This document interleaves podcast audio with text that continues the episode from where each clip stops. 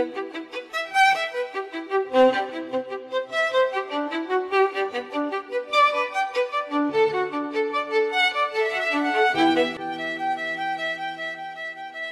har eh, tidligere snakket om eh, ungdommen i Bergen eh, ganske mange hundre år tilbake i tid. Men det var stort sett om sommeren, Bjørn. Men hvordan var det egentlig om vinteren? ja, tror du det var noe bedre om vinteren da? Nei, det er ganske masse artige historier knyttet til dette. Bare hør her, eksempel. Hva kan dere tenke dere at døden, likkisten og langebrød er for noe? Jo, det var navnet på kjelker eller krøbber som rant rundt i Bergensgaten i gamle dager. Og jeg tenkte at da kan du fortelle litt om alle disse aksessene, eksessene heter det vel egentlig, som skjedde omkring dette med krøbberenning i Bergensgaten i gamle dager. Ja, vi tar et lite sånn tilbakeblikk. Uh, igjen så er det jo min gode venn Ludvig Holberg som forteller litt. Grann. Han forteller jo at skøyteløp er jo veldig populært om vinteren. Men i Bergen så unngikk uh, alle uh, sjøl rikfolk langrennsski fordi de var redd for å bli stemplet som damegutter, og rett og slett å bli gjort narr av pga. det. Det var småskiene som var greien i Bergen. De var omtrent en på størrelse med en fot, med smale jern under. Og bergensungdommene var jo da nærmest akrobater på disse skiene, da. Og sjonglerte jo rundt i gatene med disse skiene verre enn, ja, hva skal vi si, Sonja Hennie på skøyter. Det var likevel krøbberenningen, eller kjelkerenningen, krøbbe er bare en type kjelke, da, sånn at dere forstår det, på byens allmenninger og i gatene så var det helt store.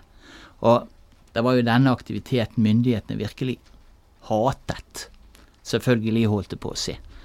Vel, krøbben eller kjelkene, da, jeg forteller litt hva det er for noe.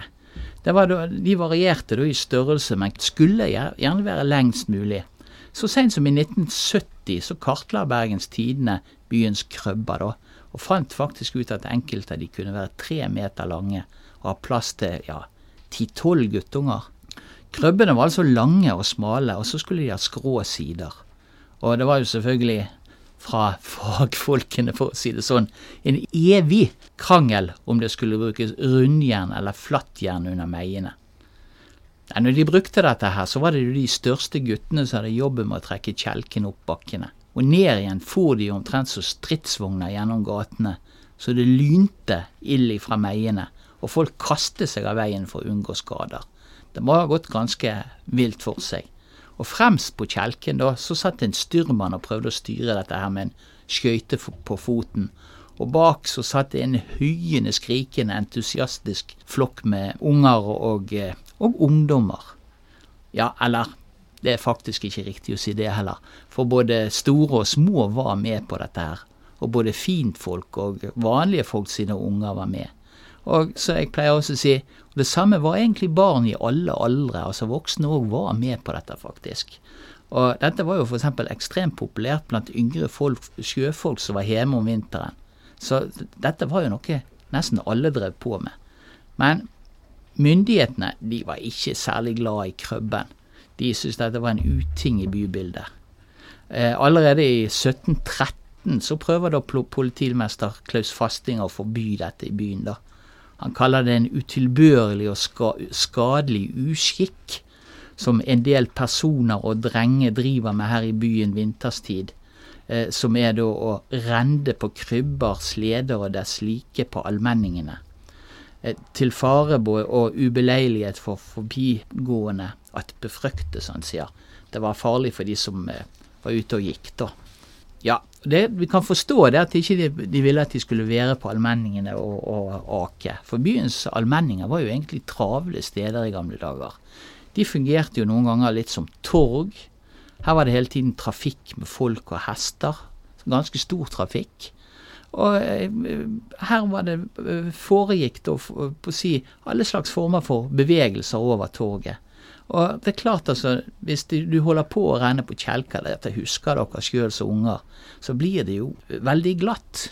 Fasting eh, vil jo derfor forhindre skader, og så sikre ikke minst at disse allmenningene var farbare i tilfelle brann.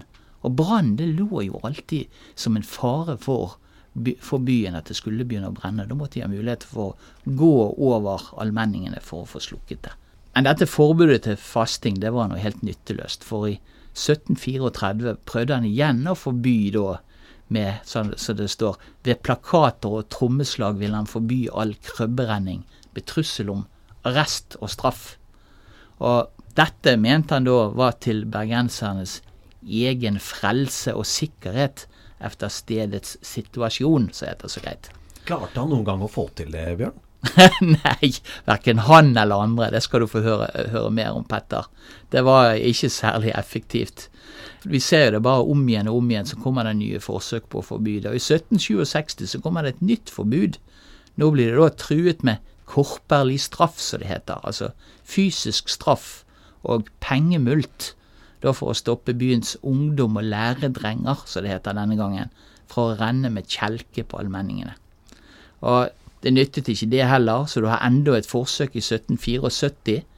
Her heter det at krøbberennen i byen er en like så gammel som farlig uskikk, der så vel børn og drenge som voksne mann og kvinnfolk, så snart sneføre dertil er bekvemt, glider eller renner på de såkalte krøbber. Så når det er snø, så dyrkes jo denne uskikken i byen på søndag og andre dager, og både på dag og natt og som det heter i dette reskriptet fra 1774, det, det skjer da under skrålen og skrigen. Ja, og som sagt, både gutter og jenter i alle aldre var jo med her, da. Og her blir jo nå da straffene enda hardere, da. Straffen skal nå da fra 1774 eh, være uten skånsel av hva stand eller kjønn de er, så skal de ha da én måneds tukthus, rett og slett en måned i arresten, eller en mult på fire-fem riksdaler, i tillegg til saksomkostninger hvis de blir tatt for å renne på gaten med, med kjelker og krøbber. Og foreldrene og håndverksmestrene skulle da stå ansvarlig for at disse bøtene ble betalt. Ja, og så var det jo sånn at disse bøtene, da, de skulle da deles mellom de som da hadde sladret på at det ble rent med kjelke mellom politikassen og mellom byens fattige. Jeg kan jo egentlig godt tenke meg hvor de pengene havnet. Men det er nå sannsynligvis ikke hos de fattige. Vel, det var en liten digresjon. Nye forbud dukket jo da bare opp på, på rekke og rad. I 1786 så kommer det et forsøk på forbud. Og i 1795 så står da politimester Olsen igjen frem og har en kunngjøring hvor han da forteller en skjønte så vel under korperlig straff som pengemult, er byens ungdom og læredrenger forbuden på byens allmenninger å renne på kjelke. Så erfares dog at herimot undertiden handles. Altså det betyr at de ikke bryr seg. Så han forteller at nå da at kane eller sledeferd etter klokken ti om kvelden, især av uforsiktig ungdom og beskjenkede mennesker, skal forbys. Vel, dette nytter jo rett og slett ikke. For det, det, er jo så lite, det er jo snø i byen. Og alle vil jo ha den gøyen det er når det først er der. Og det ser vi jo, for problemet varer jo videre utover på 1800-tallet. Bergensforfatteren Jon Paulsen forteller eksempel fra sin barndom i 1850-årene at han fikk da sitte på med søsteren sin Friar, som var da skipsfører. Han het skipsfører Bentson for øvrig. Og det man da måtte passe på, det var at ikke politiet da sto i enden av rennebakken for å ta de som var ute og, eh, og, og rente. Og Det blir nemlig sagt da på den tiden at politikonstablene fikk 50 øre for hvert kjelke de klarte å få brakt inn til politikammeret. Og 50 øre det var faktisk ganske mye penger den gangen. Og når politiet da så dette her, så stormet da betjentene da ut av et eller annet smug de hadde lagt i skjul på når de som var ute og rente, minst ante det. Da, de, de løp jo da for å arrestere kjelkene. Guttene på sin side, så, som, som, eh, det blir sagt, sprang jo da for livet med krøbbene dansende etter seg opp av trapper og ned av trapper og inn av smug og ut av smug og trange gater. Ja, de ville jo selvfølgelig komme seg unna for enhver pris. Ble de unge tatt, ble krøbbene satt i arrest. Ja, Paulsen forteller også at både gutter og politi var best tjent med at saken ble oppgjort i penger. Eh, politiet fikk jo da 50 øre i inntekt, og guttungene de slapp jo å få offentlig pryl. Det er sikkert ikke så kjekt. Vel, det var jo ingenting som nyttet. Og igjen så ser vi jo 1869 så prøver byens politimester Magelsen på nytt et like nytteløst forbud mot både skøyteløp og kjelkerenning. Men da er det jo tydeligvis blitt litt andre tider. For da rykket like godt byens 20-gutter ut i avisene med et innlegg der de forsvarer krøbberenningen. De skriver da det så sjeldent kommer på at vi kan renne kjelke her i byen, og aller helst på tvers over Strandgaten, er det vi herved anmoder alle kjørende, ridende og gående, især gamle kjerringer og liktårnfulle menn, om å holde seg borte fra rennebakkene våre i disse dager, spesielt lørdag. Vi kan sannelig ikke skrike høyere av veien enn vi gjør, og det kan ikke skille oss om vi slår noen gamle kjerringer mer eller mindre i hjel. Det blir nærmest deres egen sak. Ja, så vi hører det ganske saftige eh, eh, greier, dette her. Men eh, sånn er det. Ungdommen de vil jo ut og ha det gøy uansett, og sånn er det jo bare. Vel, de mange bergensere har jo hørt om konstabelinspektør, var det vel tittelen hans. Fredrik Sallikat var jo egentlig ganske beryktet. Men han også prøvde jo selvsagt å forby krøbberenningen. Det var vel i 1882-83. Både fordi han var farlig for byens borgere, men også fordi at slagsmål og uorden ofte fulgte med etter en krøbbetur i steile bergensgater. Tenk deg det, da. Det sitter ti personer oppå kjelken med en enorm fart. Så alt som, eh, som de treffer, må jo regne med skader. Eh, med, med, å bli skadet. Og skadene skjer jo både på de som aker, og på fotgjengerne som er der.